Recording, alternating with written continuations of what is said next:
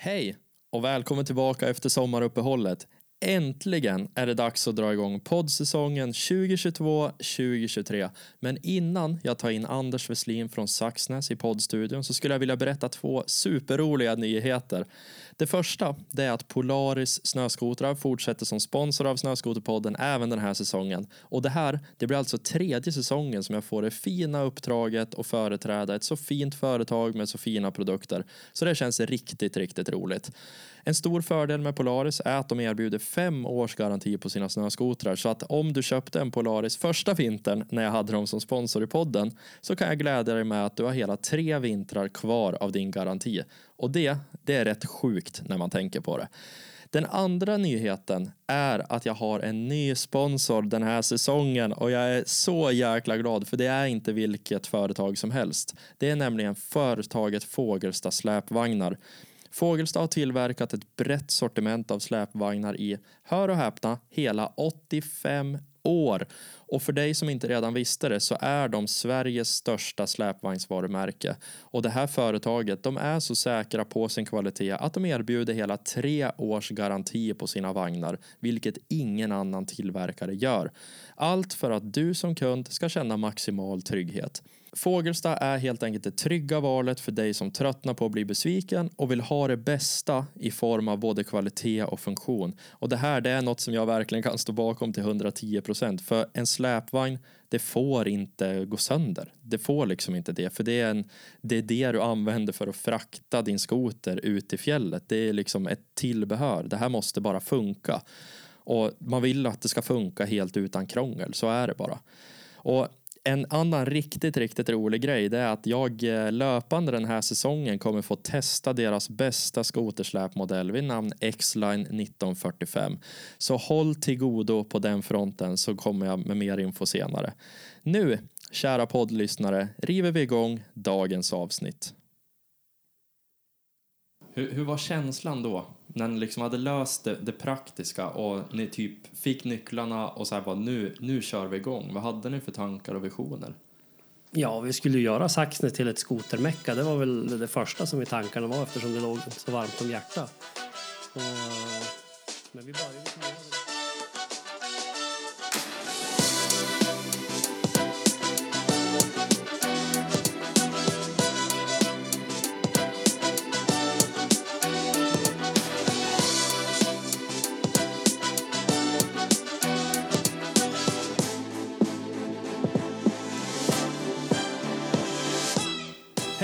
och varmt välkomna till säsongstarten av säsongen 2022-2023 av Snöskoterpodden.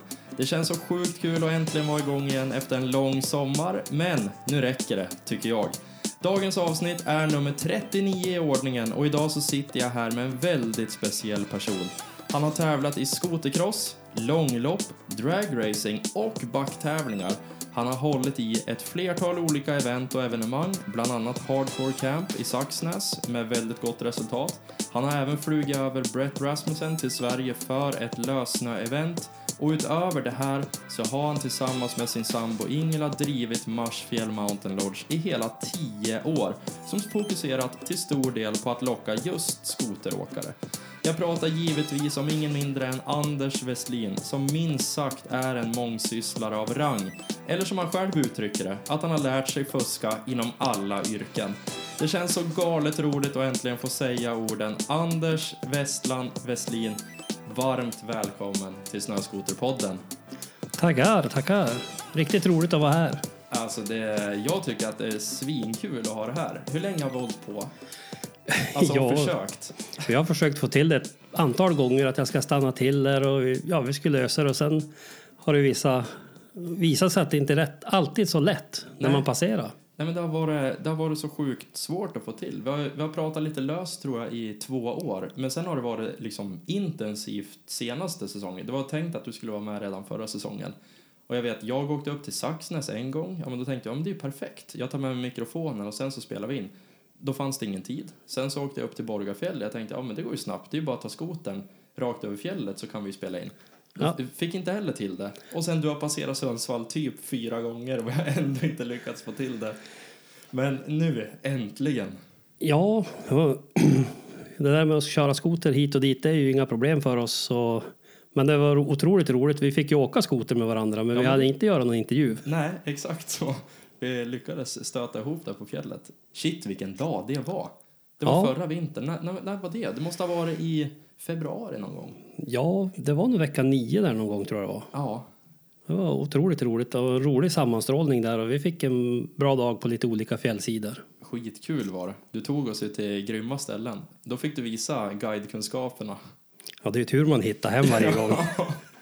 Exakt. Nej men shit vilken dag vi hade. Jag var ju där på lite jobb, eh, så vi hade lite kick-off i, ja då, det var ju då när jag var i Borgafjäll, så vi möttes ju upp då på fjället eh, och du, du körde lite skoter med oss då. Ja, Eh, precis. tog oss till grymma ställen. Ja, men det är alltid roligt att få åka på ställen som man trivs själv med. Och sen är det ju hitta så att alla trivs och har roligt. Ja, det måste vara ganska svårt. Det har inte blivit det, men i början var det svårt. Men sen eh, man läser av en grupp ganska fort ungefär vars nivån ska ligga och sen får man försöka planera in så att alla har det roligt och lika roligt som en själv. Ja, och det är också viktigt, att guiden också har roligt. Ja. Så att det var jätteskoj. Ja, svinkul. Du, eh, hur är läget? Jo, men det är bra. Det är fantastiskt bra. Vi grejar på med allt möjligt här och har lite olika idéer och visioner i framtiden här så. Det känns spännande. Ja, det är spännande. En spännande tid. Hörru du, eh, fuska inom alla yrken, som du själv uttrycker det. Vart kommer det citatet ifrån? Ja, jag var ju uppe i, i Saxnäs då och eh, jag hjälpte en, en dam eh, som bodde där då på den tiden. Nu är hon ute ur tiden men jag var där och hjälpte henne att ta maska och sopor och vi hängde upp gardiner och grejer och då när vi satt och åt våfflor hos henne en dag då sa hon det att ja men du Anders, du har ju som varit överallt och lärt dig att fuska inom alla yrken. och hon var lite över 80 år då så att eh, det var lite, lite roligt att höra från hon. Det det kanske är sant också. Det ligger nog en hel inte del i det. fuska kanske, men ändå lärt dig mycket inom alla yrken. Ja, man har inte varit still på ett och samma jobb hela tiden så att man har ju fått lära sig en hel del. Man, man är inte bäst på något, men man är riktigt bra på allt. Förhoppningsvis. ja, men grymt. Du, eh, apropå att göra lite olika saker, vad har du gjort idag? Ja, idag har jag varit och hjälpt min pappa lite grann och fixat ett handfat innan jag åkte vidare ner över här mot Sundsvall då. Och Ja, sen, säga det. Vi, vi sitter i Sundsvall. Vi sitter just nu hemma i min lägenhet. Ja. Jag är mitt mellan två kontor. Eh, så att vi har ingenstans att vara. ja, men precis. Ja, men sen blir det lasta lite ved och jag ska ner till Falun och sen ska jag vidare till Heydays.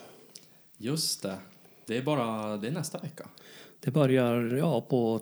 Oh, jag kan inte datum i huvudet, men det börjar nästa vecka. Precis. Nu är vi i början av september. Ja. Eh, och det är i runt den, vad var det, 14 eller något sånt där? 12? Ja, vi flyger på torsdag Ja, just det. morgon. Grymt. Känns otroligt roligt. Det är som en barndröm som får gå i uppfyllelse och få fara dit. Ja, och nu har det väl inte varit någonting senaste... Ja, i fjol var det kanske lite.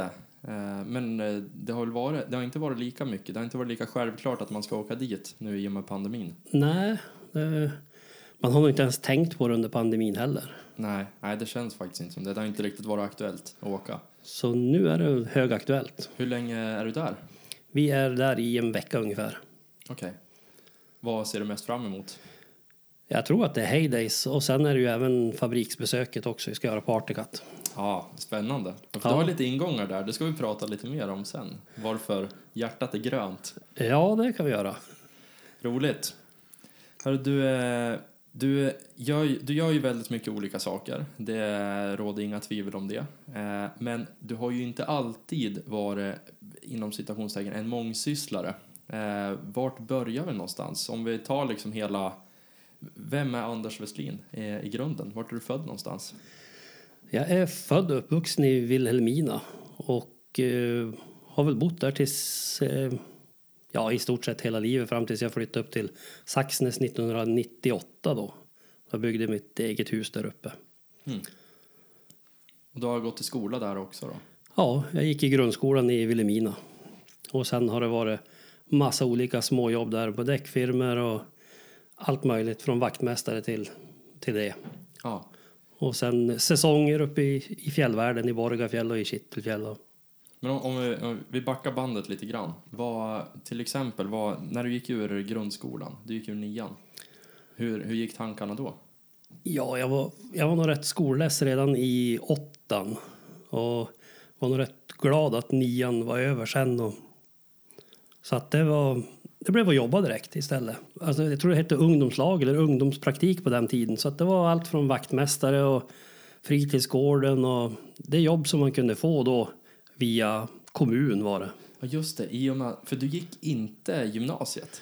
Nej, jag var så otroligt less skola så att det fanns ingen utbildning jag ville söka. Jag tror inte ens jag hade betyg för att söka någon utbildning Men heller. alltså, hur, hur kommer det sig? Vad var det som gjorde att du var så less? Vad var kommer du ihåg känslan vad det var som inte var roligt? Var det liksom läxor eller var det att du var tvungen att vara på plats? Eller vad var det som gjorde det?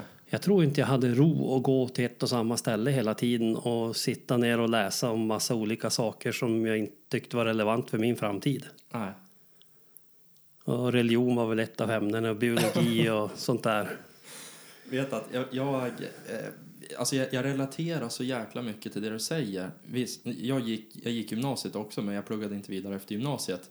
Men jag kände exakt likadant. Eh, jag, så här, jag kan inte lära mig sånt som jag inte är intresserad av. Det går typ inte. Nej. Däremot så man har inget fel i hjärnan. Man kan ändå lära sig jättemycket saker och man kan bli duktig på saker. Men man, man kan inte tvinga in det på något sätt. Det är lite lustigt att du säger det för att det man hade bra betyg i egentligen när man gick ut nian det var barnkunskap, teknik och gymnastik. Ja, det som var kul. Ja, det som var roligt. Ja, det är ganska, ganska intressant ändå. Ja, Men okej, då, då jobbar du i ett eh, slags ungdomsjobblag där så du fick göra lite av varje. ja, Och sen fyllde du 18 efter några år. ja. eh, Och då, egentligen så har man bara farit runt i Vilhelmina och jobbat och smått lite här och där och sen började jag på en däckfirma där jag var i tio år säsongsvis. Okej. Vad gjorde du när det var lågsäsong då? Då var jag uppe i fjällvärlden och gjorde säsong på vintrarna där. Jag har både varit i baren och i restaurangen och i köket och eh, sen var jag även i Kittelfjäll ett par år och var i eh, liften där. Ja, du hoppade liksom emellan och ändå här, fick kunskap inom olika områden. Ja, det var alltså tiden i, som säsong det är, det är sådana saker som man längtar tillbaka till emellanåt men Kan tur man var ung. Ja, men jag kan tänka mig det. Det måste ha varit svinkul och dels få testa på olika saker. Och sen du som kanske var lite rastlös och ville att saker skulle hända. Men perfekt att inte vara längre än eh, någon vecka eller några månader på samma ställe. Ja, men det blev ju... Jag gick, tror jag gick och stämplade kanske ett år, nej, en månad per, per år. Mm. Så att, eh, Fick ändå ihop det ganska bra. ja, det tajmar bra med vintersäsong och däckfirma och fantastiskt roligt alla år man har fått göra på däckfirman där och även uppe i Kittelfjäll och Borgafjäll också på, jag var på Borgagården då. Mm. Så det var otroligt roligt. Ja, shit vad roligt. Men du sa där i förbifarten att du, att du gjorde säsonger i tio år. Vad, vad var det som fick dig att komma på andra tankar? Det var ju en av säsongerna där uppe i Kittelfjäll så spelade de ju en finalen för Robinson. Och där uppe, då hade jag hand om de flesta uteaktiviteter. Och sen eh, fattade de tycke för mig där ur produktionsbolaget och frågade om jag var intresserad av att hänga med på Robinson om det blev något mer. Men, v- Gjorde de Robinson sommartid där uppe i Kittelfjäll? Ja, de spelade in finalen i Kittelfjäll Okej. som var säsongen innan. Så det var som en finalavslutning, eller finalen för, jag vet inte vilket år det var, 20. Så gjorde de finalen i Kittelfjäll. Och så hade jag hand om skjutsa fotografer hit och dit och barkameror och rodda med allting utomhus. Du mångsysslar helt enkelt. Ja, Ja. och så fattade de tycke för mig där och jag skjutsade någon producent där och han tyckte det var roligt och skulle åka med mig bara. ja. Och då frågade han om du, ville, alltså om du ville jobba med riktiga Robinson som var på någon ö någonstans. Ja, då fick jag förfrågan där och det här var ju i Jag menar, alltså på riktigt, är det sant? Ja, jag fick förfrågan där i början på januari. Jag har ingen aning. I början på januari så frågade han om det blev ett Robinson om jag var intresserad av att jobba med dem under, med produktion. Ja. Och ja, sa jag, det är inga problem. Jag slutar här i Kittelfjäll den för, eh, första maj. Jaha, sa han. Ja, men vi hör av oss om det blir något. Och så gick det till i februari då eh, ringde de och sa du, vi ska köra Robinson det här kommande år och är du sugen på att hänga på? Ja, ja, ja, det är inga problem, sa jag. Du tänkte inte ens? Nej, jag, man hade ju ingenting. Jag hade huset hemma. Det var Men, det sjukaste jag hört. Jag hade ingen aning. så att eh, jag sa bara det att jag slutar i Kittelfjäll den första maj för då stänger vi liften. Ja, men vad perfekt, sa han. För den 5 maj så får du flyga till Malaysia i tre månader. Och man bara, oj. Oj.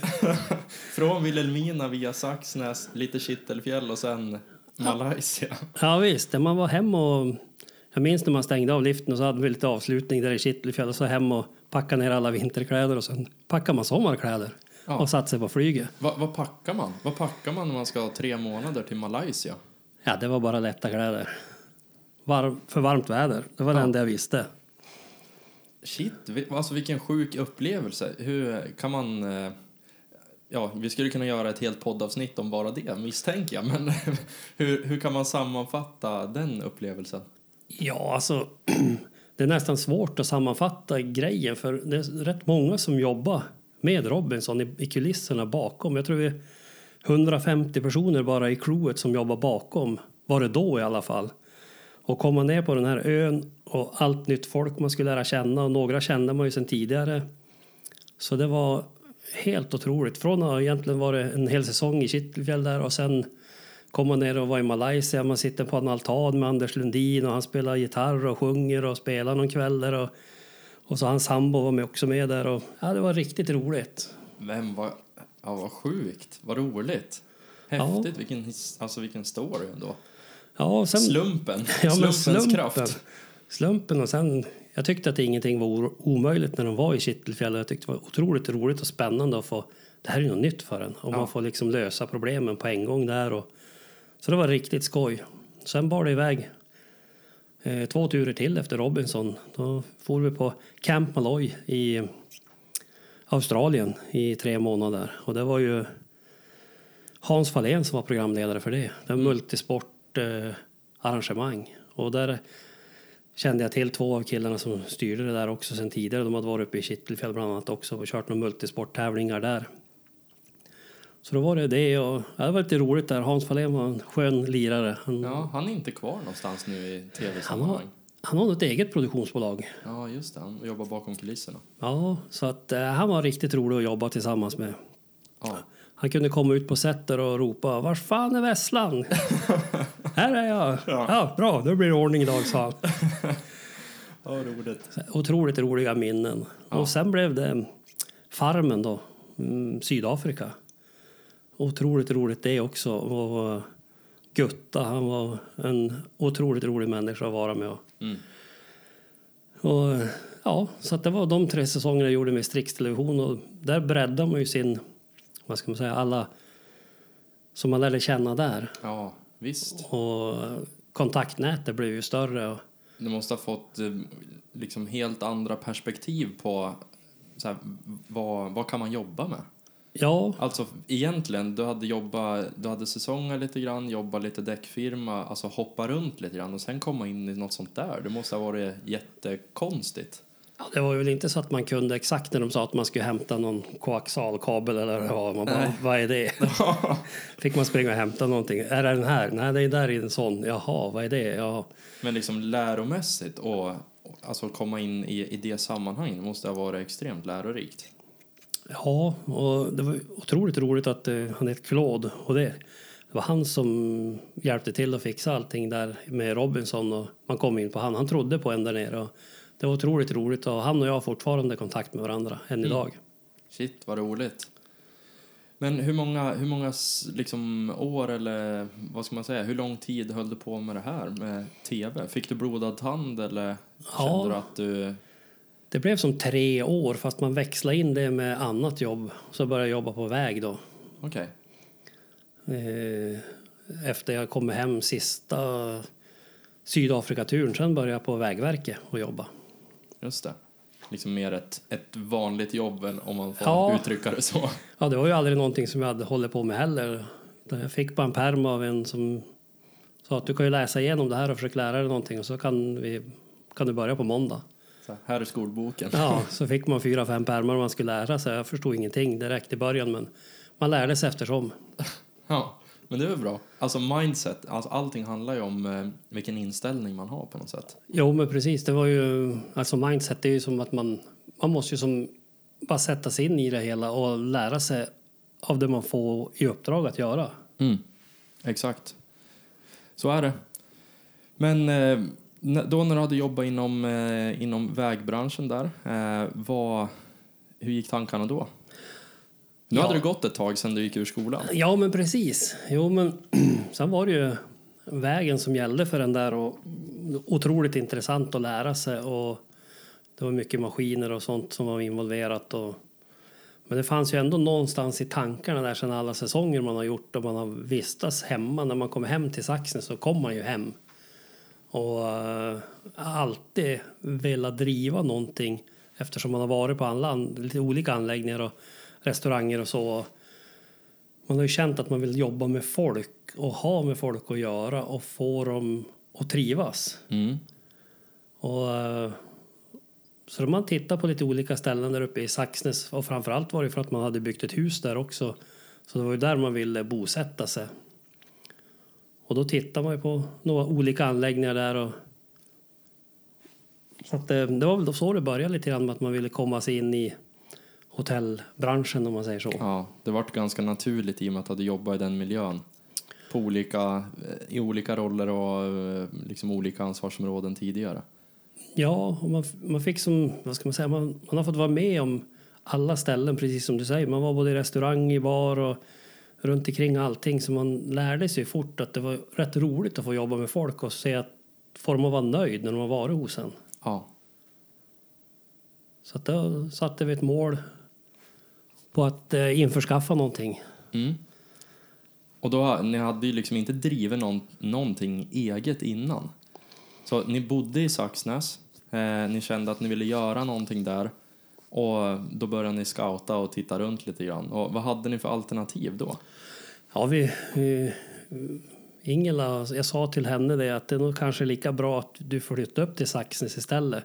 Vi hade då också ett hus i Åsele och hon var lite osäker på att komma upp till fjället. Hon sa att det finns nog inga jobb där. Jo, sa det finns hur mycket som helst. Så. och, ja, så lurade jag upp på någon provjobba lite grann där på Fjällgården hette det då. Och sen eh, spann vi vidare lite grann där och jag jobbade med asfalten sommartid och jag kom hem vintertid och då hade jag faktiskt också startat mitt egna företag som heter Västlands rubb och stubb där jag pysslade med allting. Och det var ju allt från bygga en farstukvist och byta ett kök och ja, vad som helst var det ju. Bära in ved åt folk och till och med handla åt dem om de ville ha det. Ja, egentligen hjälpte till med handkraft liksom. Ja, och för att kunna bo kvar i Saxnäs, för man fick ju faktiskt en förfrågan när man kom efter en asfaltsäsong så kom man in på Arbetsförmedlingen och skulle stämpla och så säger de att jag ska, ah, du ska ju söka och köra hemglassbil i Uppsala. Jag sa, vad fan jag bor ju inte där, sa jag. Aslångt till Uppsala. Ja. Nej, du måste söka Du det här måste jobbet. ja, annars blir du av med stämplingen. Ja, då minns jag att jag svarade, du, eh, då har jag nog ingenting här att göra, då kan du skriva ut mig och sen starta eget. Ja. Det var väl kanske inte mer än rätt då? Så här i efterhand framför allt. Nej, det var det absolut inte. Det var otroligt eh, bra att man lämnade Arbetsförmedlingen om man säger så. Och sen har det bara gått framåt hela tiden. Ja. Men hela processen i att köpa ett hotell och, och alltså det är väl ändå ett ganska stort livsavgörande beslut, eller? Man kan tycka det. Och jag är väl som gasen och Ingela lite bromsen. Och, ja, vi våndas fram och tillbaka där för Rolf och Anna som drev Fjällgården. De ville sälja och det kom upp någon kille där i någon portfölj och Ingela sa gud vad hemskt det där var. Eh, ska det komma hit någon och säga hur vi ska göra? Vi har ju drivit det här som ja, ett familjärt ställe och så här. Och, och sen for vi utomlands med Rolf och Anna och eh, då började vi prata mer och mer om det och så sa vi väl det att vi kanske ska ha köpt av er. Och då hade jag ju ändå hjälpt Rolf och Anna med lite guidning och sånt utom, liksom få igång det hela åt dem. Ja. Så det kändes ganska naturligt och Ingela trivdes bra där och så vi kom överens och så fick vi köpa det. Hmm. Och det här var då vilket år? Ni har hållit på i tio år. Eh, 2011. Ja, just det. Vi var där på, vi for utomlands våren 2011 innan asfalten drog igång. Och sen asfalterade jag och Ingela hon gick brandmannautbildningen också i Sandön i samma veva. många, många järn i luften, eller i. Ja, så det, men det var, det var nog det som behövdes. Och sen eh, sa jag upp mig från Svevia då som jag jobbar på asfalten för att gå in helhjärtat med det här. Och det var inte det lättaste att låna pengar för att köpa ett fjällhotell heller. Nej, alltså det, det kommer rätt mycket med ja men så här, Vilhelmina kommun, det, det är ju inte supermycket folk där eh, varje dag. Eh, det är ju mycket turister och så här, när, i Saxnäs, det ligger ju, eh, det ligger ju, vad är det, nio mil från Vilhelmina. Ja. Eh, så det är ju en liten process i att bara, eller det kräver rätt mycket arbete i att locka folk och Nio mil västerut från Vilhelmina. Så att, nej, men det var, det var tufft där i början när man gick in på banken och vi hade som sagt till Rolf och Anna att vi skulle köpa det och så gick man in på banken och så säger de att man ska ha 50 procent i handpenning. mm. Och då tittade jag på hon som satt där inne och så du tror du att jaha det är myntfack i plånboken sa jag. Så gick man ut där och var rätt deppad. Men då fick man råd och bot både, det var Inlandskraft som fanns då och sen Almi som gick in som borgenärer till oss så vi kunde genomföra våra drömmar.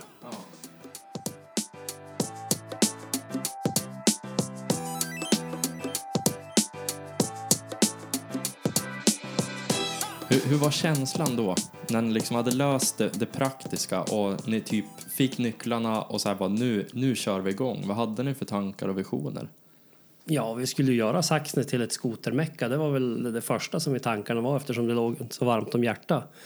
Och, men vi började, vi tog över eh, julmarknaden i Saxnäs eh, som är väldigt stor. Det är väl ja, näst största julmarknaden som finns i Västerbottens län då. Och eh, tog över till det så att vi började på att klura hur ska vi lösa det här då med folk och grejer.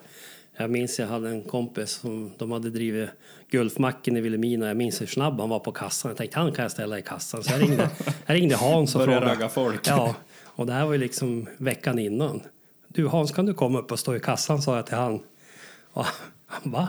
Jo, men du är alltid så där snabb och slå i kassan och det går fort. Och det är så mycket folk som ska äta julgröt och mackor här på julmarknaden så att vi måste ha någon som är snabb i kassan, sa jag.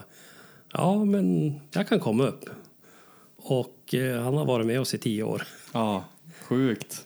Så att eh, det blev en tvärgrej för han och det passade han bra vintertid också att hänga med på sånt Ja. där. Men vad roligt. Så han har lärt sig att hänga gardiner och städa rum han och Ja, men det är väl inte mer än rätt. ja. Men okej, okay, så det var, men liksom var, var ni rädd där i början? För ni var ju ändå, alltså ändå, ni var inte helt oerfaren, men i att driva det eh, i egen, eh, egen regi, det var ju ändå nytt. Hur, alltså var ni, var ni nervös? Mm, jag tror aldrig vi hann riktigt vara nervös för att det, det som bara egentligen skedde och jag tror att vi kommer rätt in i eran med Facebook och Instagram och jobba med de sociala medierna mycket. Och det gick ganska fort och den här budgeten man hade lämnat in den stämde inte alls med någonting. Det hade, ändå hade man tyckt man hade tagit till men den, det blev ju omsatt till mer än vad vi hade ens drömt om. Så det, det gick en raketfart. Ja, vad roligt. just den här lösnöåkning som man har brunnit för hela tiden har ju gjort att eh, det blir mycket lättare att satsa och drivkraften fanns ju där. Och, Och ni måste ha tajmat så sjukt bra med att ni köpte hotellet eh, 2011 i samband med att lösnömarknaden började ta fart på riktigt. ja, Det var ju där någonstans det började komma riktiga lösnömaskiner. Jo, man, man börjar ju på något helt annat i alla fall när man ska åka lössnö. Men, Ja. eh, eh, så att det, det var väl egentligen 2009, 10, 11, det var väl då det började på hända riktigt stora skillnader på maskinerna. Visst, det fanns de här tidigare också, 05, 06, 07 där Vertical Escape och Arctic hade deras Mountain Cat. Och, men eh, det som skedde där 2010, 2011 och 2012, det var ju Ja, det Rätt var ju otroligt. revolution Ja. eh, i körställning och framkomlighet och allt. Ja, men jag minns man stod vid något ställen och funderade, ska vi verkligen åka ner här? Vi kommer ju aldrig att komma oss upp. Och så for man ner och så kommer man upp hur lätt som helst tyckte Ja. man. Shit, ska det vara så här? det är helt sjukt. Så det var otroligt roligt. Ja. Men du nämnde i förbifarten att eh, ni kom in ganska rätt med Facebook och, Facebook och Instagram och liksom att ni gjorde en grej av det. Var det en del av strategin när ni, när ni köpte Fjällgården då och brandade om det till Marsfjäll Mountain Lodge? Ehm, jo, men eller både ja och nej kan man säga där. Men eh, Edvard var ju rätt med i bilden där på en gång för han hade jobbat lite grann med Facebook i alla fall, Vilhelmina Motorcenter. Och eh, han var med och hjälpte oss att starta kontot och hur man skulle börja där och lägga upp och när man skulle lägga upp och så här. Hjälpte oss där i början med Facebook och Ingela är grym på Facebook och Instagram idag. Eh, Hon skriver ju som att det blir det blev som mer familjärt allting som vi skrev. Det Men det har väl precis- varit hela röda tråden eller eran slogan är väl till och med Ja, när, när, borta, är som bäst. Ja, sa du exakt samtidigt. Nej men och, så är det ju verkligen. Jag kan ju säga, jag, jag har bott hos er, vänta nu, är en, två gånger tror jag att jag har bott hos er. Och det har varit, alltså det är ju lite så. Det är, man har den här känslan av att man trippar ner i tofflor på morgonen och sen så är det liksom någon, eh, ja, någon snäll person som bara står och lagar gröt åt en. Alltså det är liksom inte att man kommer ner och det är en strikt hotellpersonal och sådär utan det är mer att man, ja, lite familjärt, mysigt liksom.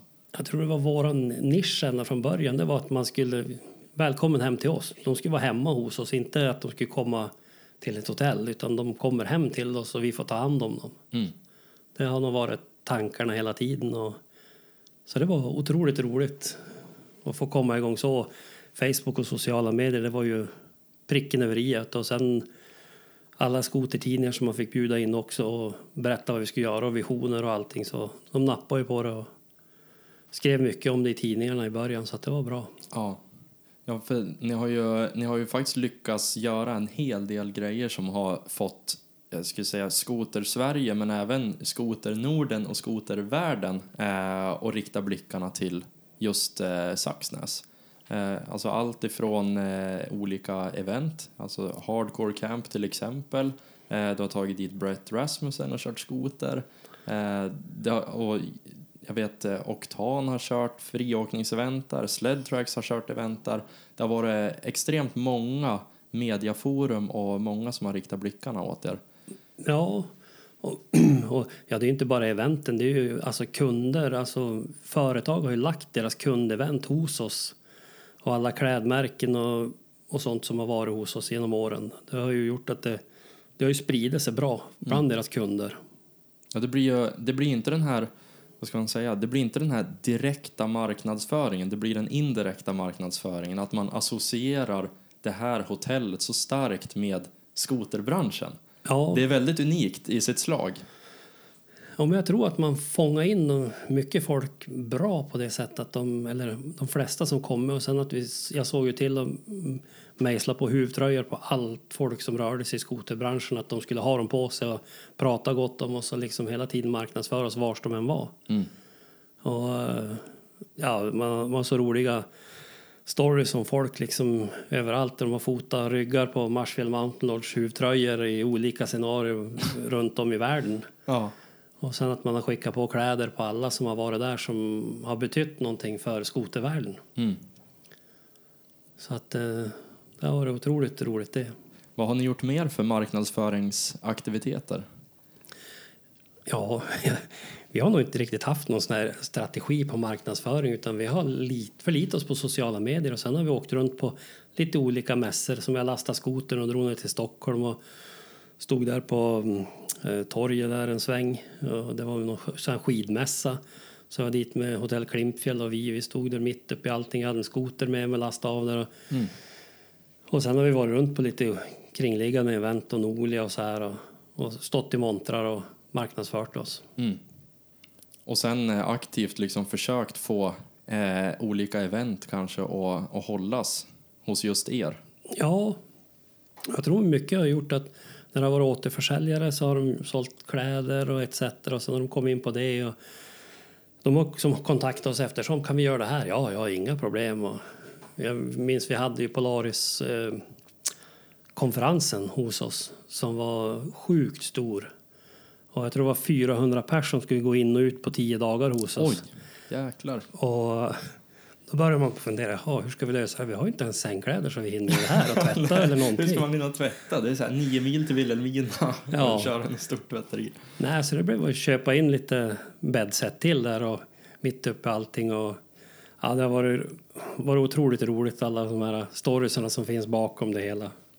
Ja, ja, det måste, alltså det är ju lite folk som har kommit och gått. Ja, sen, jag menar, ingenting är omöjligt. Man måste bara gasa och gasa och sen försöka få att alla ska ha det så bra som möjligt. Och då är det ännu roligare. Och sen kan man sitta efterhand och önska vilket kaos det var, men det var ju skitroligt. Ja, det löste sig. Ja, det löstes ändå. Ja, ja, det är verkligen roligt när jag har gjort det, jag har gjort det så sjukt bra. Men vad skulle du säga har varit, har varit det svåraste under, under alla år som ni har drivit hotell? Vad är liksom det svåraste med att, med att hålla ihop det? Det svåraste är ju, mm, eller ja, svårt och svårt, men det, det finns ju några individer som kanske inte håller sig strikt inom som man ska bete sig. Och jag säger själv, jag har ju också varit ung och man kanske inte har förstått riktigt. Men det har ju, branschen har ju gjort också att alla de här piperna har ju försvunnit och i stort sett. Så att det, det har väl ljudet det mesta störde sig på. Och Sen tror jag de flesta skött sig. Vi satte till och med tider i själva byn att man ville inte att man skulle köra skoter efter klockan tio och på kvällar och det funkar jättebra. Jag tycker alltså skoteråkare sköter sig otroligt bra. Det är någon klick som kanske gör någon dum grej och någon som retar upp sig och det är lite trist att eh, de fåtal som retar upp sig som de får lite stor, stort utrymme ibland i sociala medier. Mm. Det är väl egentligen det som har varit svårast tycker jag. Att få, få de flesta att acceptera det vi gör.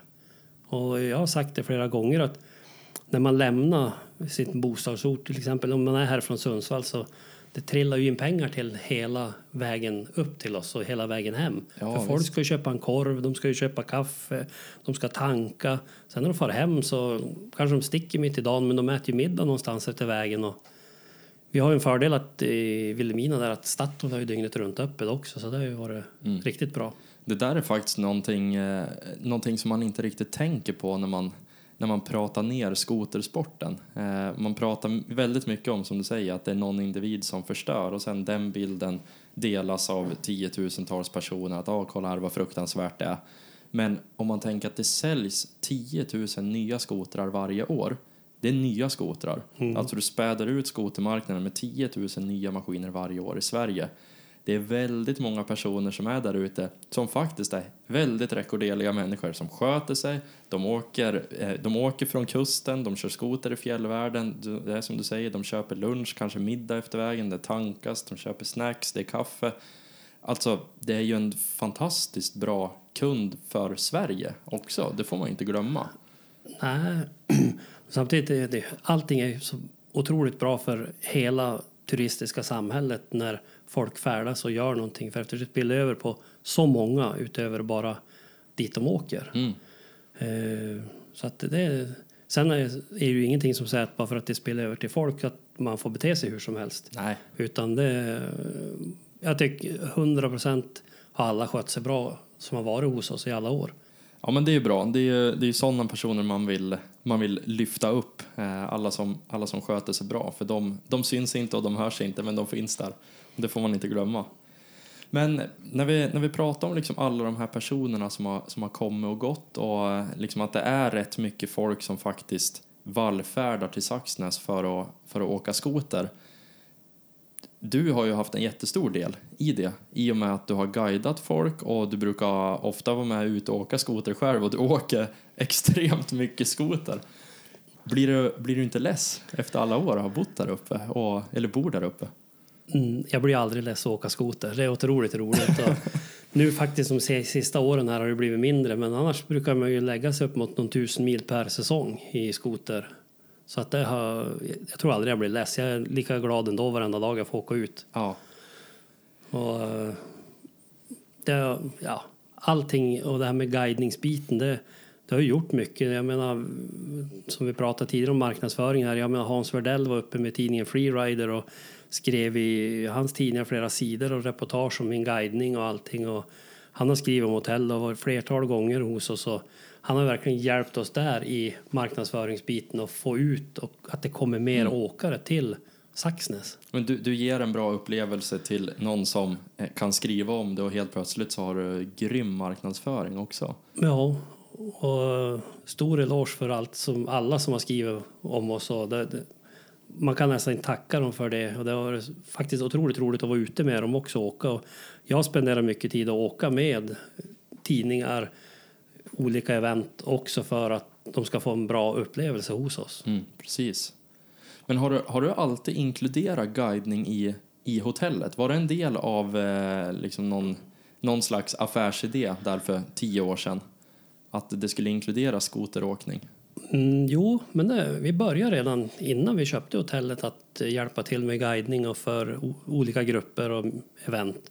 Och jag vill inte köra den här traditionella åka led, eh, ut och fiska och så, utan jag ville ha den här lite extremare åkningen som vi har och bra skoteråkning och att, för då känner jag att nu har jag ju roligt på jobbet varenda mm. dag. Och man kan ju retas med folk och tycka att, att jaha, se vad han jobbar med då. Ja, men jag trivs på mitt jobb nu. Ja, exakt. Det är åka, det man ska. åka skoter, det är ett bra jobb. Det är väl det bästa. Helt rätt. Ja. Men eh, allting, eh, allting har ju ett, eh, ett slut. Eh, och så även hotellägandet. För i när var det? November lämnade han över taktpinnen. Ja. Och, alltså november i fjol. November i fjol, ja. Och det var ju det är snart ett år sedan. Tiden ja, går. Men um, ett gäng som har varit hos oss i nio år och bott varenda år ett par gånger. Och vi började prata om det ena ledde till det andra och sen hux flux så köpte han hotellet. Han ville köpa ett hus av oss först men det blev som en annan grej där efter att ha varit ute och åkt lite grann och pratat med honom. Mm. Då satsar de på hotellet och det här ska bli en rolig resa att följa deras satsning där. Hur känns det då? För dig eller för er? Mm, det känns otroligt roligt för bygden eftersom det satsas otroligt mycket av dem. Och det, ska, det, är som jag säger, det ska bli spännande. Det blir som en nytändning också. Jag menar tio år och jag har aldrig varit egentligen nästan så länge på ett och samma ställe. Så att eh, det, allting ska ju ha som ett fint slut och man får lägga ner vad ska man inte lägga ner ska man inte säga men um, ja, du lämnar får, över taktpinnen? Ja, man lämnar över och man får ändå vara med och hjälpa till och uh, göra det så bra som möjligt för alla. Mm. Det känns positivt. Ja, för det är ju inte en epok som går i graven utan det är ju bara att det är en, en epok som får en, uh, en ny dimension på något sätt. Ja, nytändning ska jag väl säga. Uh, och det krävs lite friskt nytt blod in i i, i, vissa ställen kan man ju tycka, eller jag tycker det i alla fall, att det ska nytt friskt blod in och nya tankar och idéer och utveckla det vidare från dit vi har tagit det. Ja.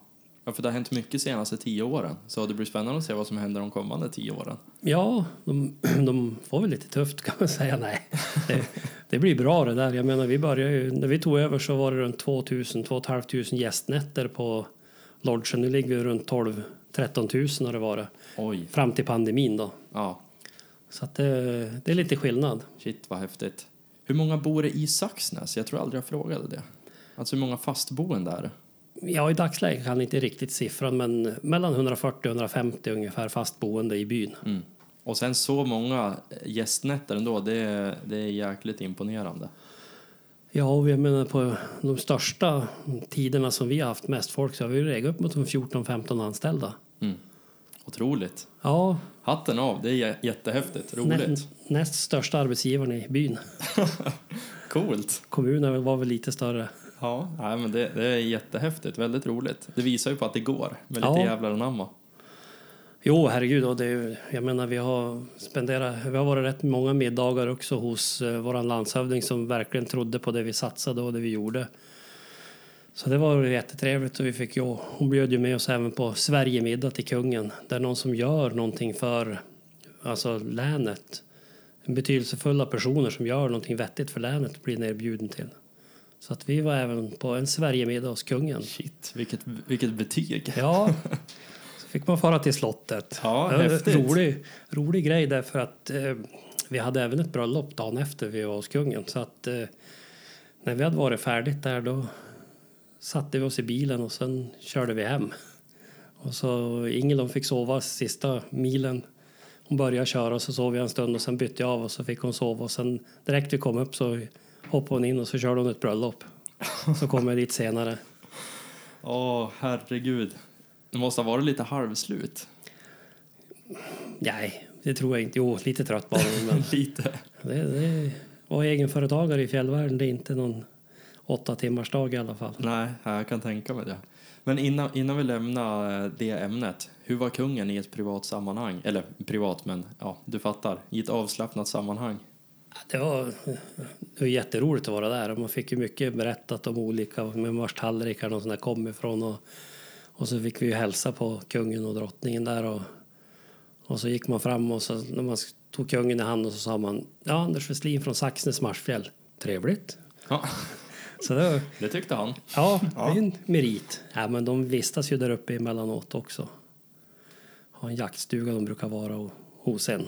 Ja, roligt. Coolt. Ja. Nu ser jag på dig att du inte kan säga så mycket mer.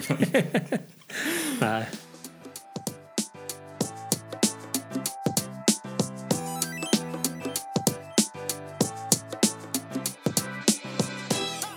Om vi djupdyker lite grann i själva skoterintresset, för jag har förstått att det har varit med väldigt länge för din del. Eh, hur, hur började allting? När var du intresserad av skoter?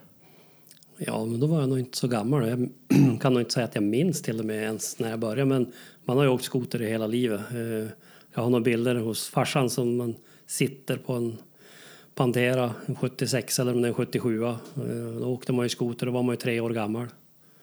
Så att skoter har väl alltid varit varmt om hjärtat på en.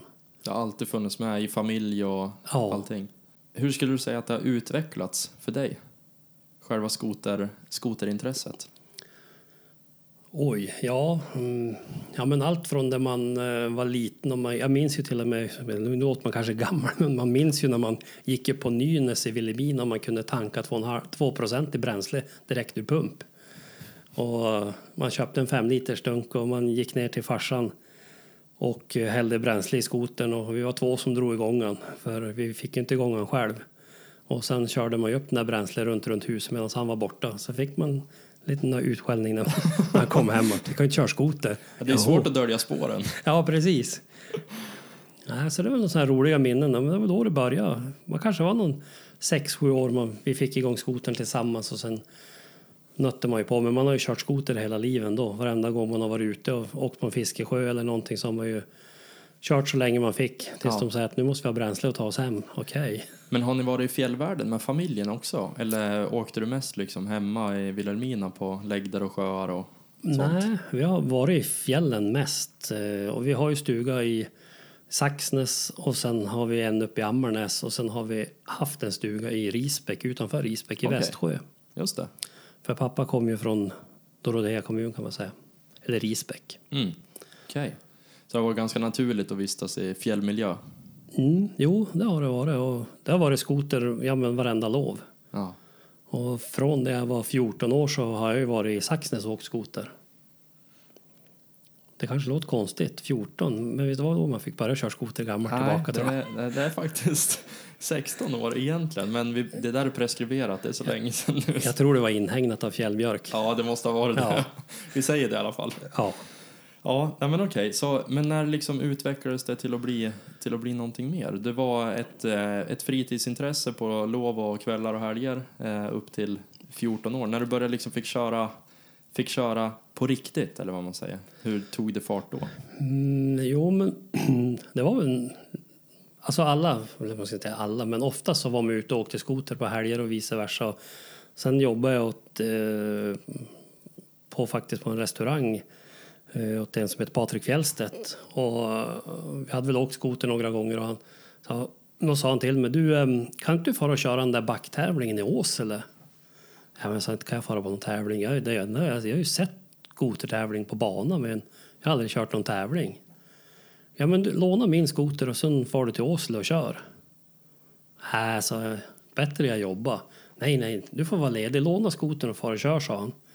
Så då åkte jag till Åsele. Det här var 94. Och det var en backtävling som gick upp efter Åsliavägen där. Med några chikaner och grejer. Och jag kom dit och började fundera, vad har jag gett mig in på nu? Ja. Va, ska jag vara här bland de här? Och jag minns Mats Persson var där och ja, det var lite andra storfräsare på den tiden. Petter uppe från Gargnäs och jag tänkte herregud, de här kan man ju aldrig spöa. Men det gick ju vägen faktiskt. Och Du vann? Jag vann. Shit. Vad åkte du på Eh. för skoter? Då åkte jag på en Lynx Cobra Racing, en 467. De kommer ju linstämpare original va? Ja, Ja. men jag hade inte Jävligt hydraulisk frän. broms 94, Nej, du hade vajerbroms. vajerbroms. Det kanske var det som var räddningen. ja, kanske. Nej, det gick men så bra. coolt. Ja, så då fick jag låna skotern där. Så vann jag då den klass jag körde i och sen körde vi ett rövarheater också. Och då var jag snabbast upp av alla och jag körde ju i minsta klassen men jag var ändå snabbast upp. Upp till 1050 kubik var det. Ja.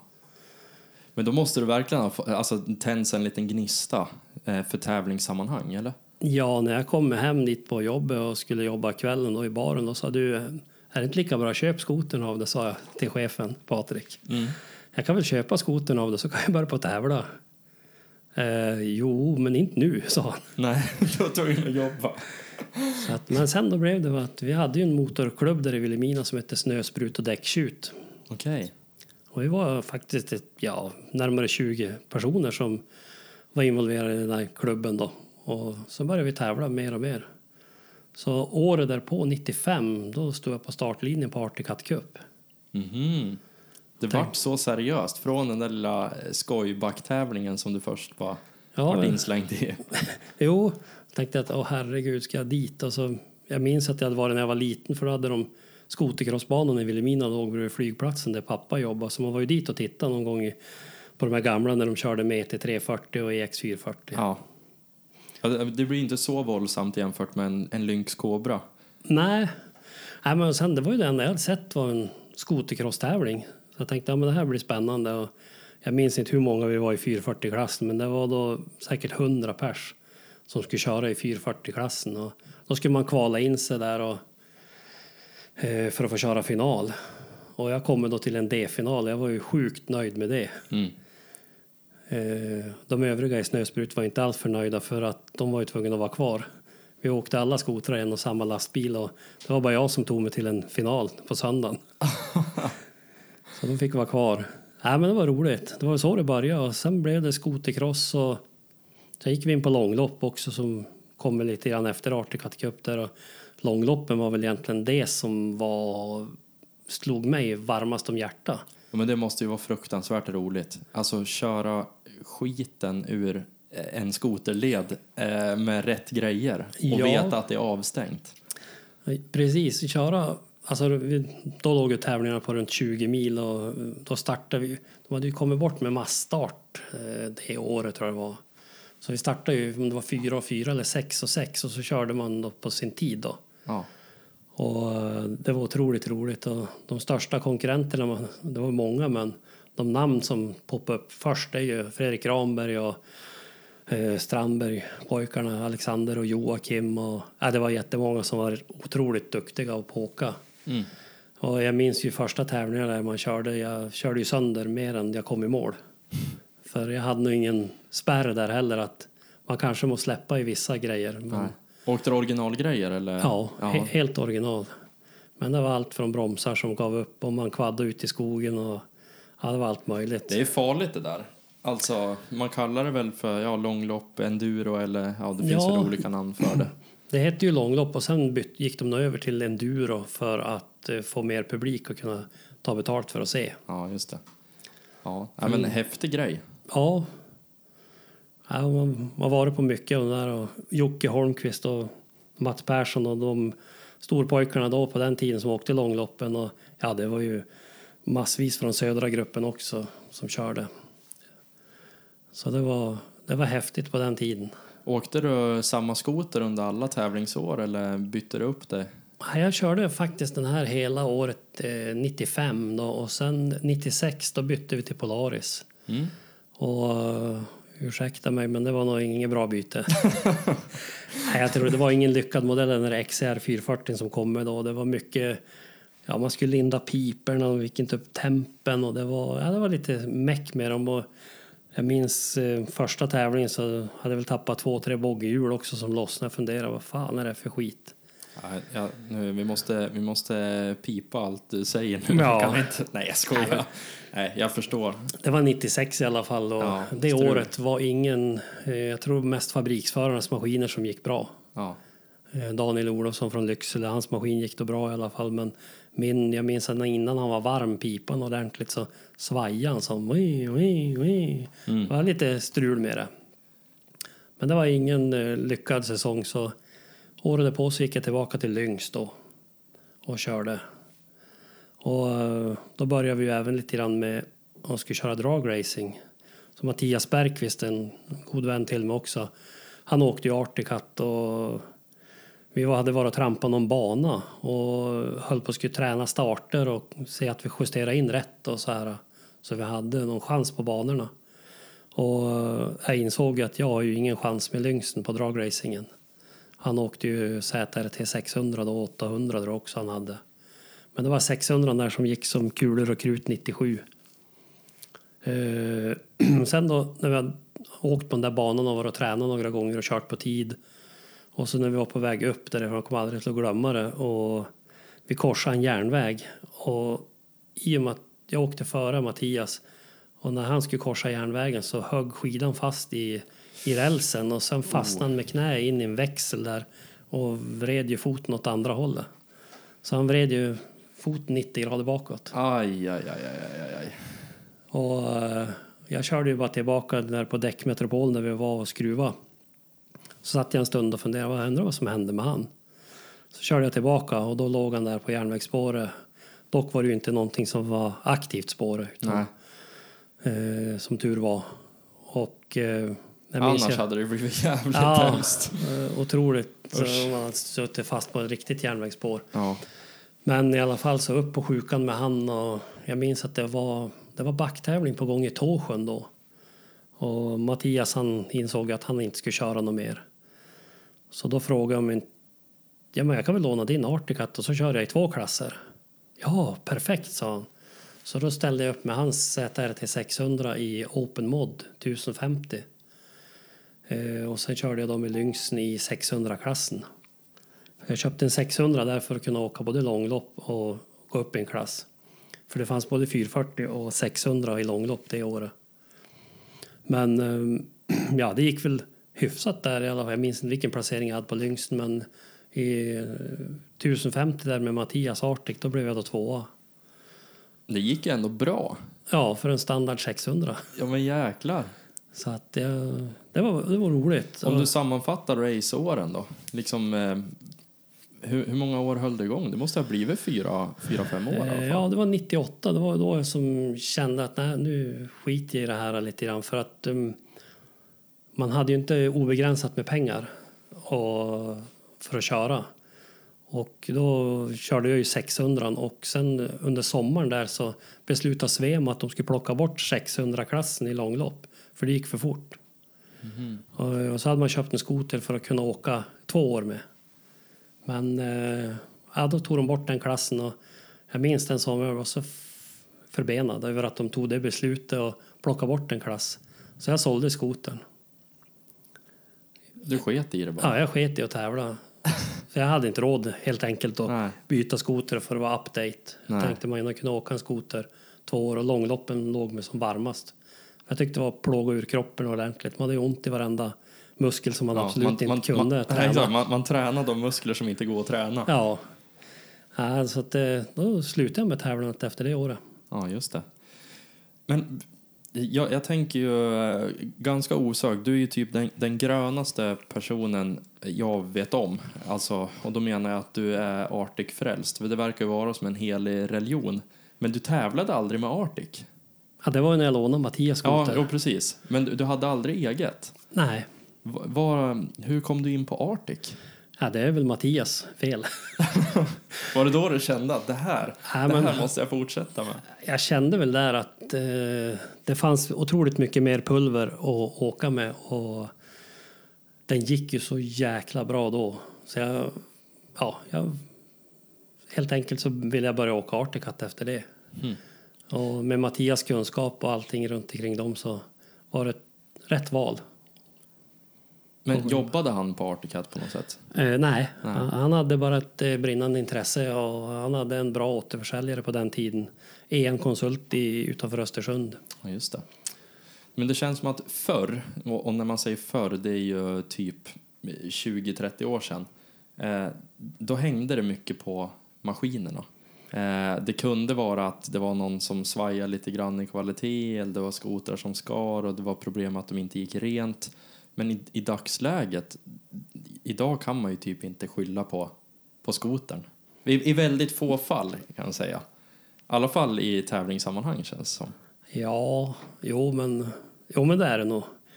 Det är ju så, grejerna är så jäkla bra idag jämfört med hur det var förr. Ja, det är ju hög kvalitet på dem och vissa håller ju bättre än andra, så är det ju. Och, men det hänger lite grann på föraren också. Men eh, som sagt var, Articat, det, det blev en varmt om hjärtat genom Mattias och sen Yngvessons maskin i Storuman med all support och hjälp man har fått där genom alla år. Och ingenting. Jag tror inte jag har stått still en hel dag för någonting jag har kört sönder själv. Och då, jag menar, det är allt från att köra in i någonting eller att man har kört på en sten som under snön eller så har man alltid fått delar av, av dem. De är i Storuman. Hur långt är det från Saxnäs? 13 mil. Ja. Ta en och en halv, två timmar att åka. Ja. Och den support man har fått därifrån och beställer man grejer därifrån på före klockan två på dagen så har jag det klockan sex i Saxnäs med buss. Fantastiskt ju. Så att det, det är otroligt. Men Micke annars, han, uh, även om han har missat bussen senare så har han farit dit och lämnat ut grejer till den. Så att den support man har fått därifrån har ju varit enorm. Det är ju sådana handlare man vill ha nära. Alltså de här som tar ett steg extra för att hjälpa en. Det är den servicen man verkligen vill ha. Ja, eh, och han har verkligen lyckats med det. Och det var hur bra som helst och det är fortfarande hur bra som helst att handla där. Och för min del är det ju det, med den location som jag bor på. Ja. Men ganska, ganska roligt att du säger, för jag tror, jag tror att det var jag och Edvard som pratade om det där också när vi spelade in vårt avsnitt. Liksom, han, han bor ju också i Saxnäs. Ja, Eh, och det var en räddning för hans kunder att det var många som var och åkte skoter i Saxnäs och han jobbar på butiken i Vilhelmina. Bara, ja, men han har ju liksom Express i och med att hans bil går varje dag så kan han få upp nya Polaris-delar hela tiden om det är någon som kör sönder eller någon behöver olja eller rem eller någonting sånt där. Och det blir ju lite samma sak när man har en, en väldigt målmedveten och hjälpsam, eh, hjälpsam eh, butiksägare som kan hjälpa en och, och serva en med, med prylar liksom i närområdet. Det är ju ovärderligt. ja precis. Alltså det har varit ett självklart val för min del. Och, och just när Europalagret låg där i, i Storuman också så var det inte långt. Jag minns en gång jag skulle köpa till Elliots första skoter. Jag skulle ha en bensinkran till en Kitty Det, det är din son då kan man ja, säga. det är sonen Elliot. Och han fick väl den när han var två år och den var såld ny i Saxnäs. Så att, eh, och då var ju 2007 och jag ringde till Martin på lagret i Storuman och sa du jag ska ha haft en bensinkran för den läker på den här Kitty Caten. Och så sa jag artikelnumret. Och Martin, ja, hur många ska du ha? Ja, men det räcker med en, sa jag. Ja, men jag har tre. Okej. Så det fanns grejer där. Ja, ganska smidigt. Ja,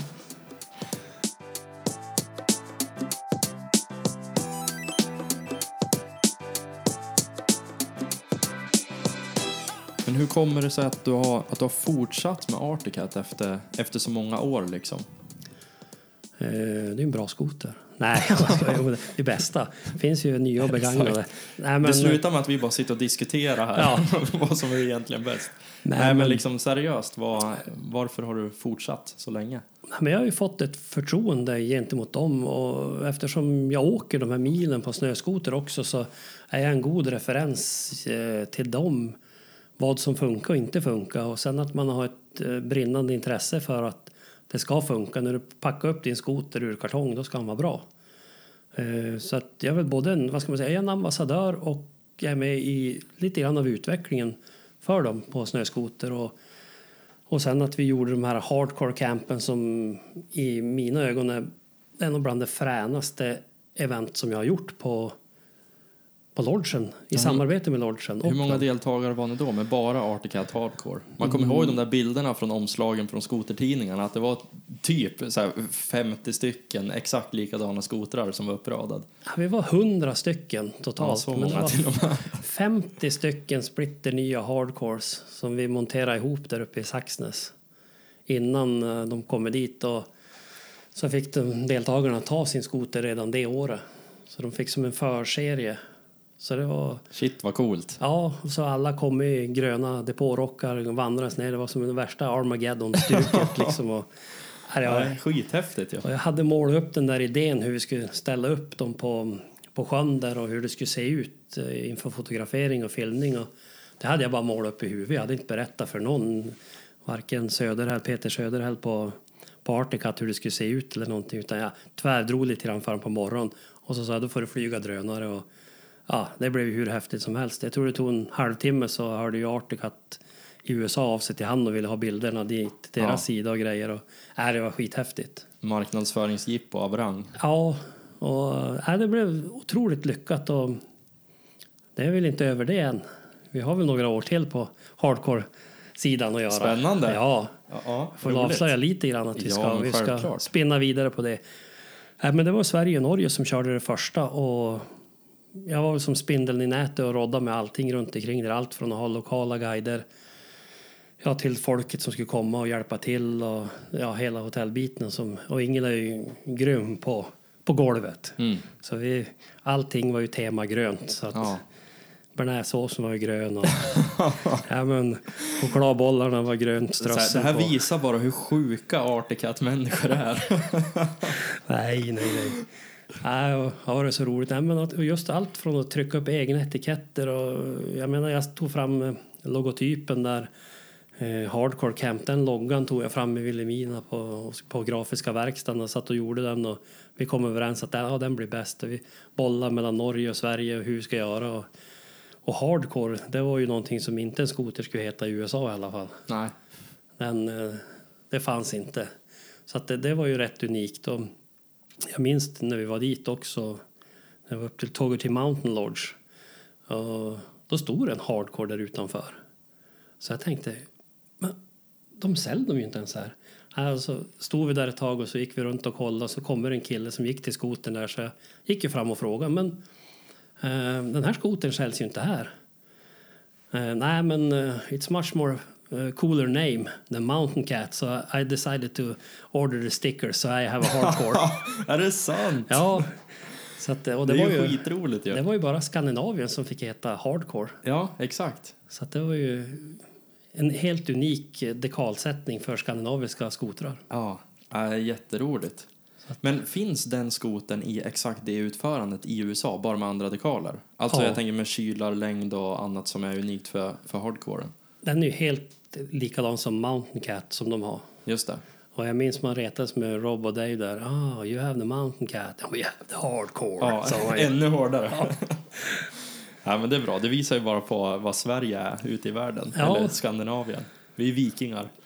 Ja visst, det här var rolig epok, eller roligt, vi, det, det ska fortsätta det där också. Vi ska bara finna rätt tid nu efter pandemin här och allting så ska vi göra, spinna vidare på det där lite grann till. Ja, är superroligt, verkligen. Men förutom Articat, är det nog fler varumärken som liksom knyter sig till dig eller Saxnäs och, och har mycket av utveckling och tankar däromkring? Eh, jo, men det är det. Och jag har haft ett bra samarbete med Scott. Eh, ja, jag vet inte hur många år det är, men håller på att utveckla skoterkläder där. Allt från att få dem funktionabel och vad som passar för en snöskoteråkare. Och det börjar, ja, jag minns inte exakta åren med, med Hanna från Finland. Och, eh, vi gjorde lite reportage, eller vi gjorde lite filmning där för Scott. Eh, och eh, hon var designer då där. Och sen även eh, de här finska killarna, Perra Hussi och de var ju med med deras eh, Lappland Film Crew och gjorde det. Så att, men då började ju som samarbetet med Scott. Eh, och hon frågade eftersom hon visste redan sedan tidigare att jag åkte mycket skoter och, och så. Så då började det samarbetet och det har pågått genom lite år så att en hel del förändringar som har skett på kläder. Eh, Allt från eh, vart du sätter fast nödstoppslinan, att det finns fler alternativ på, på kläderna nu, på skott då. Och allt från att utveckla och produkten. Sån input har kommit Ja. från, eh, ja, därifrån. Så att det, det, det, Det är finns, coolt. Ja, det är jäkligt. Det är lite annorlunda. Det är som jag sagt det till dem också. För de flög upp eh, designerteamet ifrån eh, Tyskland som var hos mig ett par dagar i Saxnäs. Mm. Och sen var vi ute och åkte lite skoter och jag visade på och vad som kan hända när man har nödstoppslinan fäst i jackan mitt, mitt vid magen ungefär. För att du trasslar in den när du är aktiv i skogen, han fastnar i grenar. Så nu har jag fått att vi har två snoddar som sitter på ärm. Så man kan välja vilken ärm man vill ha den på. Mhm. Höger eller vänster. Så det är kroka i där också om man vill ha olika. Det, allt beror på hur föraren är och hur det, man... det är här små detaljer som ändå gör stor skillnad i helheten. Och sen fått dit olika kevlar-förstärkningar på vissa ställen. Och man ser på overallen så är ärmarna förstärkt också gentemot grenar. Mm. Så att, eh, ja, men det är mycket sånt där som man har fått vara med om och är fortfarande med i deras utveckling. Så att, det är roligt. Ja, superroligt. Så nu håller jag på att väva in sonen Elliot också i det där. Och han har också varit, det har jag sagt till dem ända från början, att det, det bästa vi kan göra det är att he, he kläder på han. För han bryr sig absolut inte hur han har betett sig och vars det slits eller någonting. Han kom hem och eh, han Helt, använder- det bara sopar av alltihop. nej, det har funkat riktigt bra. Men man ser ju vars kläderna nöts mer. Ja. Och särskilt han som de går i skolan i Saxnäs, eller gick då skolan i Saxnäs. Så de är ute varenda rast och leker i snöhögar och allt möjligt. Och det är en sån som använder kläderna. Mm. Så att han är ju han är ju en del av utvecklingen också på, på kläder för våran del gentemot ja, det, det vi jobbar för. Ja, ja, jätteroligt. Det är ju samer och barn. Det är väl de som sliter för grejer Ja. typ mest av alla. Jo, jo verkligen. De är duktiga på att nöta på kläder också. Verkligen. Ja, roligt. Du har ju hållit på med väldigt många olika delar inom, eller grenar inom, inom skoterintresset. Eh, guidning är ju en av dem. När och hur gick det till när du kom in på det? Eh, jo, men det var nog när eh, Rolf och Anna tog över Fjällgården och man ville vara och samtidigt som jag startade mitt eget företag då Västlands Rubb och Stubb så ville jag vara en del guidning i det. Och eh, det var då jag började med det. Och sen att man flätade in eh, något år senare med lavinutbildning och eh, för säkerheten måste ju finnas där när vi är ute på fjället och ju högre upp vi tog oss så insåg man att det här, här är lite risker. Och mm, jag säger bara själv, jag har ju utlöst fyra laviner själv men det har gått bra alla gånger. Och, någon gång har man varit otroligt rädd för folk som har stått nedanför och filmat och fotat och det har varit nära. Lavinen stannar precis där de står men det har gått bra och tack gode gud för det. Men i dagsläget är man ju mer varsam och vaksam på vars man åker. I början var man ju inte det. Då hade man inte kunskapen och det väckte ju intresset för det här med lavin och fick upp Martin Borg och han drog igång Safe Ride Sweden där och att han liksom tog över den rollen med själva lavinbiten. Ja, Och med han och Amandas kunskap inom det så får vi en väldigt bra bredd i Saxnäs ja just verkligen. på den. Ha alla, alla delar. Ja, och säkerhetstänke. Och jag tror att det blir mer och mer folk, eller jag hoppas att det blir mer och mer folk som vaknar till liv om man säger så och går de här kurserna och lär sig lite grann vett och ja, etikett kan man säga och lära sig faror, utse faror, förutspå farorna på fjället. Ja. För de finns där och de lurar ganska snabbt i närheten av en. Det känns, eh, liksom allmänna känslan är ju att skoterbranschen är ju mitt inne i ett skifte just nu i att det mognas. Liksom du blir mognare med, om du pratade tidigare om piper, att pipernas uppgång och fall. Alltså idag så är det ingen som monterar en skrikburk exempelvis. Och folk tänker lite annorlunda, man värnar om intresset och det är ju faktiskt i den här mognadsfasen så ingår ju även lavintänket, att man, ja, man, man tänker på det helt enkelt, tänker efter före. Ja, Till visst. stor del i alla fall. Jo, men så är det ju. Och, men samtidigt, jag tror också väckelsen har varit det att när man har haft uppe, och, som jag har varit ute och guidat då, om man har varit i den terrängen och de får se att det rasar lite grann även i skogen så kanske man vaknar till liv och känner det att ja, det är lite fara här. Och de senare åren, jag menar, jag är ju, är ju sällan ute och åker med någon som inte har en transceiver. Och har de inte transceiver då åker jag inte på sådana ställen som det kan finnas möjlighet att vara i farozon. Så att man lär sig ju själv av det man själv har utlöst om man säger så. Ja, nej, men det är väl eh, det är ju jättebra. Alltså, det kan vara bra att utlösa en...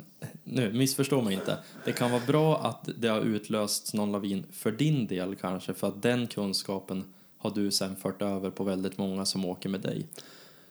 Ja, framförallt så pratar man ju mer om det i dagsläget. Och eh, jag menar, vi har ju en transceiver checkpoint som sitter utanför lodgen och nu finns det även en på andra sidan fjällen mot Risbäck när man kommer upp den leden.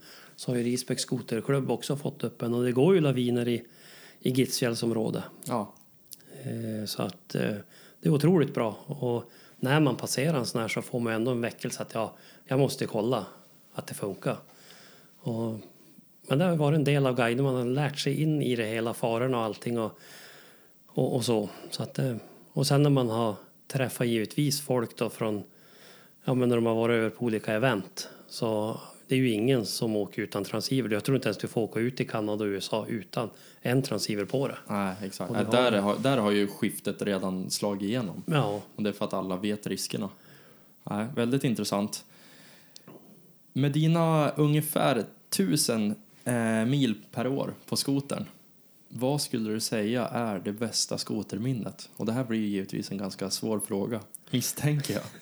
Jo, jo men det är det. Det är många minnen som är fantastiska. Och, eh, men några grejer kan ju etsa sig fast och finnas kvar där hela tiden. Och, eh, ett bra minne som man tror jag kommer att bära med sig hela sin livstid det är ju USA-resan.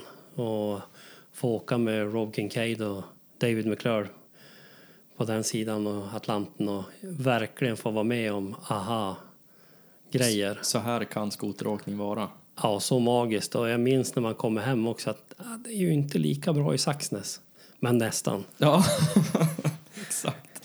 Nej, men det är nog ett minne som man tar med sig och tragiskt nog så lämnar ju Robos för tidigt. Ja, Eh, det var bara typ fyra, tre, fyra år sedan. ja, det var eh, 2019 när covid drog igång. Ja, Den, eh, när vi skulle ha hardcore camp så var de ju hemma.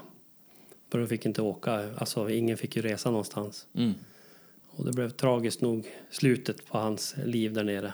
ja fruktansvärt. Vi hade, vi hade mycket planer framgent här tillsammans med varandra. Ja, Så att det, det var tråkigt. Och det är någon lärdom för oss alla andra också att kolla upp alla grejer man har och när man ger sig ut i en sån terräng. Nu är det extremt där nere men det är lika extremt i Sverige också på många ställen. Ja, det, det, är, det är ingen lek. Det, det kan vi ju verkligen uppmana alla poddlyssnare till att det, ja, säkerheten, det är absolut inte töntigt att ta det på allvar. Det är jätteviktigt, till och med livsviktigt. Ja, det håller jag med om. Och, ja, som jag säger, det, slå ett slag för Martin Borg och Safe om, om, om Amanda där då. Eh, Safe Ride Sweden att de, kan, de har kunskapen för att lära er det ni behöver veta. Mm. Verkligen. Värt att nämna. Du, eh, Anders, det, det börjar bli dags att, att avrunda. Ja, Hur har det varit att spela in? ja men det här skulle vi ha gjort för länge sedan. Ja, exakt. Varför har vi inte gjort det här tidigare? Ja, det här var roligt. Eh, roligt också att jag får förfrågan att få komma hit och få prata lite grann om det här. Och det man brinner om, Ja. brinner för. Eh, och hoppas att vi får många roliga år framöver. Du får jättegärna komma tillbaks fler gånger. Det har varit jättetrevligt. Det, det är jättetrevligt och har varit jättetrevligt och det, det är kul att, men som sagt, det, det är kul att sitta och prata om någonting som man brinner för. Det är Ja. kul att bara prata skoter och allt som rör skoter.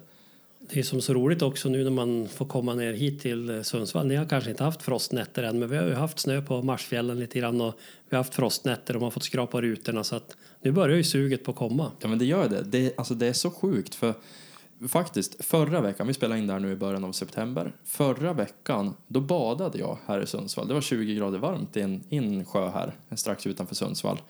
Och sen nu har det som slagit om, från att det blev september så har det slagit om och blivit liksom ner mot ja, men 3-4 grader på morgnarna. Och då börjar man ändå säga, ja men nu, nu är jag klar med sommaren, nu är det dags för skoteråkning. Det är Ja. så det känns, så fort, varje sommar när det kryper ner eh, i temperatur, då känner man det där skotersuget. Ja, Nej, jag får ju gratulera att du har 20 grader. Det är nog det enda jag har i badkar i alla fall. Och I Saxnäs blir det aldrig några 20 Nej, grader det eller? är många år sedan det var det. Men vi är upp mot någon 15-16 grader kan vi väl ha i sjön. Ja, det, om man har våtdräkt kanske det funkar. Ja. Du, eh, hur ser framtiden ut? Oj, ja den är spännande. Vad ska vi hitta på? Uh, ja, men vi har lite olika planer och visioner och vi siktar väl framåt på att göra något roligt i alla fall. Jag kan nog inte avslöja någonting så här direkt, rätt upp och ner. Men det kommer utvecklas på något sätt. Ja, det tror jag. Det hoppas jag. Vi vill ju jobba med människor och folk eh, och vi kommer nog fortsätta i några av de här banorna om vi säger så. Mm. Spännande. Ja, Nu ser jag att du biter ihop läpparna och du ser lite, lite lurig ut i ögonen. man är på väg att vilja säga någonting och avslöja någonting, men jag ska hålla ihop lite grann. Ja, okej. Jag, jag respekterar. Skulle du vilja säga någonting som jag inte har frågat om? Nej, men jag tycker vi har fått en bra sammanfattning. Jag menar, jag kanske kommit fler gånger, då kan vi ta det då. Ja. Om man skulle vilja komma i kontakt med dig, hur gör man då? Det är ju Facebook eller Instagram. Och eh, Där heter du. Anders Westlin och kan vara något mellanslag där eller sån här vad heter, apostrofer. Anders Wesslan Westlin. Just det. Perfekt. Du, eh, då säger jag eh, både från mina vägnar och poddlyssnarnas vägnar stort tack för att du gästar Snöskoterpodden. Det har varit en ära att ha dig här. Men supertack själv och tack för att jag fick förfrågan att komma hit.